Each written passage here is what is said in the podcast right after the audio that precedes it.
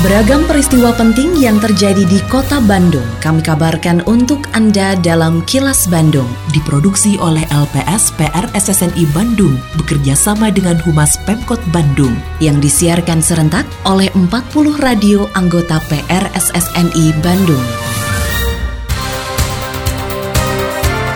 Sejumlah informasi aktual kami hadirkan untuk Anda dan inilah informasi utamanya polisi tahan tiga petinggi kelompok Sunda Empire.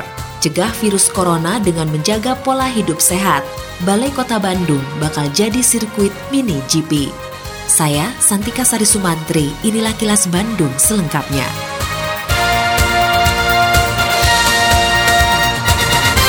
Kepolisian daerah Jawa Barat menetapkan tiga orang petinggi kelompok Sunda Empire sebagai tersangka dalam kasus dugaan penyebaran berita bohong. Kepala Bidang Humas Polda Jabar, Komisaris Besar Polisi Sabtono Erlangga menjelaskan, penetapan status tersangka tersebut setelah para penyidik dari Direktorat Reserse Kriminal Umum melakukan pemeriksaan terhadap sejumlah saksi, juga meminta keterangan para ahli yang dilanjutkan dengan gelar perkara. Menurutnya dari hasil gelar perkara tersebut, penyidik menyimpulkan bahwa kelompok Sunda Empire dengan sengaja melakukan penyebaran berita bohong atau berita yang tidak pasti dengan tujuan membuat keonaran di masyarakat. Ketiga tersangka yang kini ditahan di Mapolda Jabar adalah NB yang bertindak sebagai Perdana Menteri, lalu RN sebagai Ratu Agung, dan tersangka RS yang memegang jabatan sebagai Sekretaris Jenderal Sunda Empire keterangan, kemudian penyidik telah melakukan gelar perkara terkait dengan Sunda Empire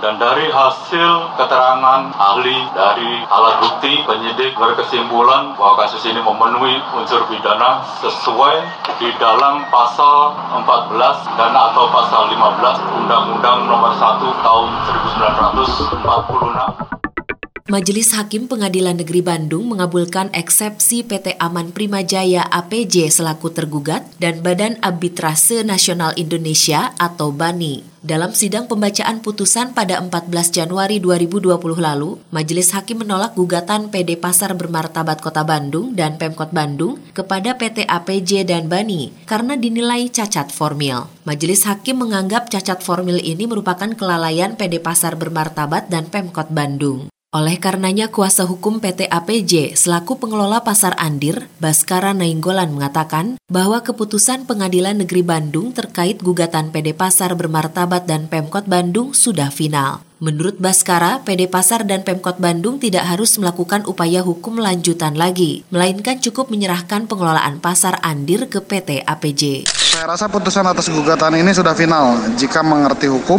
maka PD Pasar seharusnya tidak lagi mengajukan upaya hukum lanjutan. Dengan hasil ini sudah waktunya PD Pasar Bermatabat dan Pemkot Bandung menyerahkan pengelolaan Pasar Andir kepada PT APJ.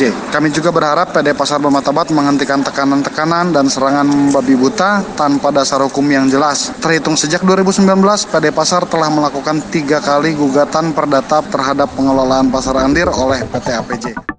Masyarakat diimbau tidak perlu khawatir terkait mewabahnya virus corona yang saat ini menyebar dari negara Cina. Direktur Rumah Sakit Hasan Sadikin RSHS Bandung, Nina Susana Dewi menyatakan, meski wabah tersebut belum masuk Indonesia, masyarakat perlu lebih waspada dan menjaga pola hidup bersih dan sehat. Menurut Nina, untuk terhindar dari terjangkit virus corona, yang perlu dilakukan masyarakat adalah meningkatkan kualitas kesehatan melalui cuci tangan setelah beraktivitas, mengatur pola makan yang baik, dan menggunakan masker jika akan bepergian ke tempat-tempat umum. Nina mengatakan meski gejalanya mirip influenza, hingga saat ini belum ada vaksin khusus untuk mencegah virus corona. Jadi memang harus hati-hati saja karena itu seperti virus seperti influenza, influenza biasa sehingga memang pola hidup sehat. Sekarang ini harus lebih ditingkatkan ke keluarga kita dari mulai harus cuci tangan, kemudian kalau ke tempat umum atau ada saudara atau teman yang pilek memang harus pakai masker gitu, nah, terutama untuk anak kecil karena biasanya kan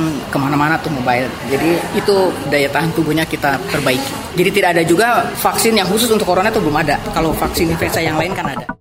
Direktur Utama PDAM Tirta Wening Kota Bandung, Sony Salimi, mengakui pihaknya masih belum optimal dalam melayani pelanggan. Kondisi itu terjadi karena masih terkendala ketersediaan air baku. Meski begitu, Sony menegaskan terus berupaya meningkatkan pelayanan sebaik mungkin kepada pelanggan, di antaranya dengan menambah unit pengolahan air baku. Di sisi lain, Sony mengakui hingga saat ini PDAM Kota Bandung masih membukukan laba sekitar 40 miliar rupiah per tahun. Walaupun kita pelayanan belum maksimal, belum baik, bukan berarti kita juga merugi. Selama ini juga kita 4 tahun ke belakang tren kita, laba kita masih cukup bagus. Ya.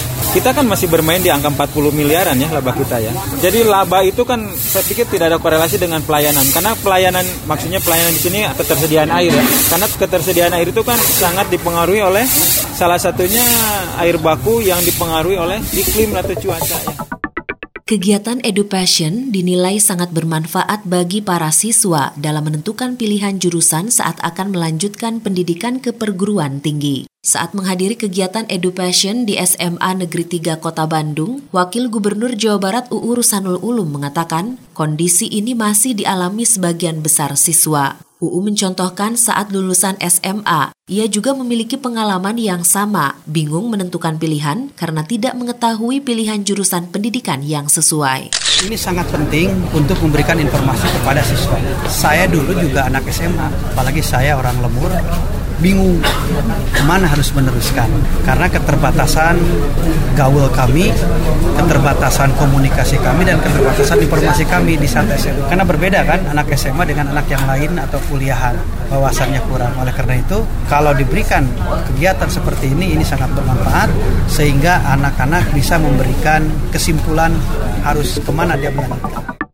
Halaman Balai Kota Bandung bakal dijadikan arena sirkuit kejuaraan motor mini GP tingkat nasional yang rencananya digelar pada Maret mendatang. Wakil Wali Kota Bandung Yana Mulyana mengapresiasi positif kejuaraan yang ditujukan bagi atlet berusia 9 sampai 12 tahun tersebut. Yana berharap selain menjadi ajang mencari bibit atlet berprestasi, lomba itu juga menjadi destinasi wisata baru. Menurut Yana, pemerintah kota Bandung mendukung digelarnya kegiatan tersebut setelah mengkaji bahwa perlombaan aman dan tidak mengganggu publik karena dilakukan di dalam areal Balai Kota Bandung anak 9 sampai 12 tahun pakai motor-motor yang kecil gitu. Dulu mah Bambi saya pernah punya tuh Bambi ya. Tapi itu saya pikir bisa jadi satu destinasi wisata juga baru lah gitu. Karena secara keamanan juga mungkin agak lebih ini karena kan kecepatannya juga nggak terlalu ini ya.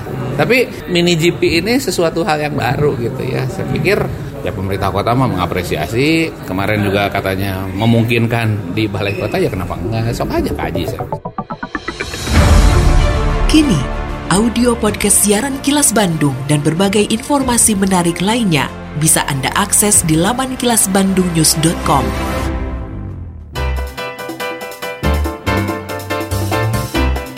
Berikut sejumlah agenda kerja para pejabat Pemkot Bandung, Rabu 29 Januari 2020. Wali Kota Oded M. Daniel menghadiri peresmian terowongan Nanjung dan penandatanganan kontrak hasil tender dini tahun anggaran 2020 oleh Presiden Republik Indonesia di terowongan Nanjung, Kabupaten Bandung. Selanjutnya bersama Sekretaris Daerah Emma Sumarna mengikuti rapat paripurna DPRD Kota Bandung. Selain agenda kerja para pejabat Pemkot Bandung, informasi dari Humas Kota Bandung, yaitu pemerintah Kota Bandung memberi perhatian besar kepada para lanjut usia atau lansia, antara lain dengan mengusulkan peraturan daerah tentang lansia yang saat ini draftnya dalam proses uji publik. Menurut Wakil Wali Kota Bandung Yana Mulyana, dari 2,5 juta penduduk Kota Bandung, sekitar 10 persennya merupakan warga lansia. Yana mengapresiasi kegiatan uji naskah akademik lansia dan berharap dapat menjadi pegangan dalam memberikan perhatian dan membahagiakan lansia di Kota Bandung. Demikian sejumlah agenda kerja para pejabat Pemkot Bandung dan info aktual yang diterima redaksi LPS PRSSNI Bandung dari Humas Pemkot Bandung.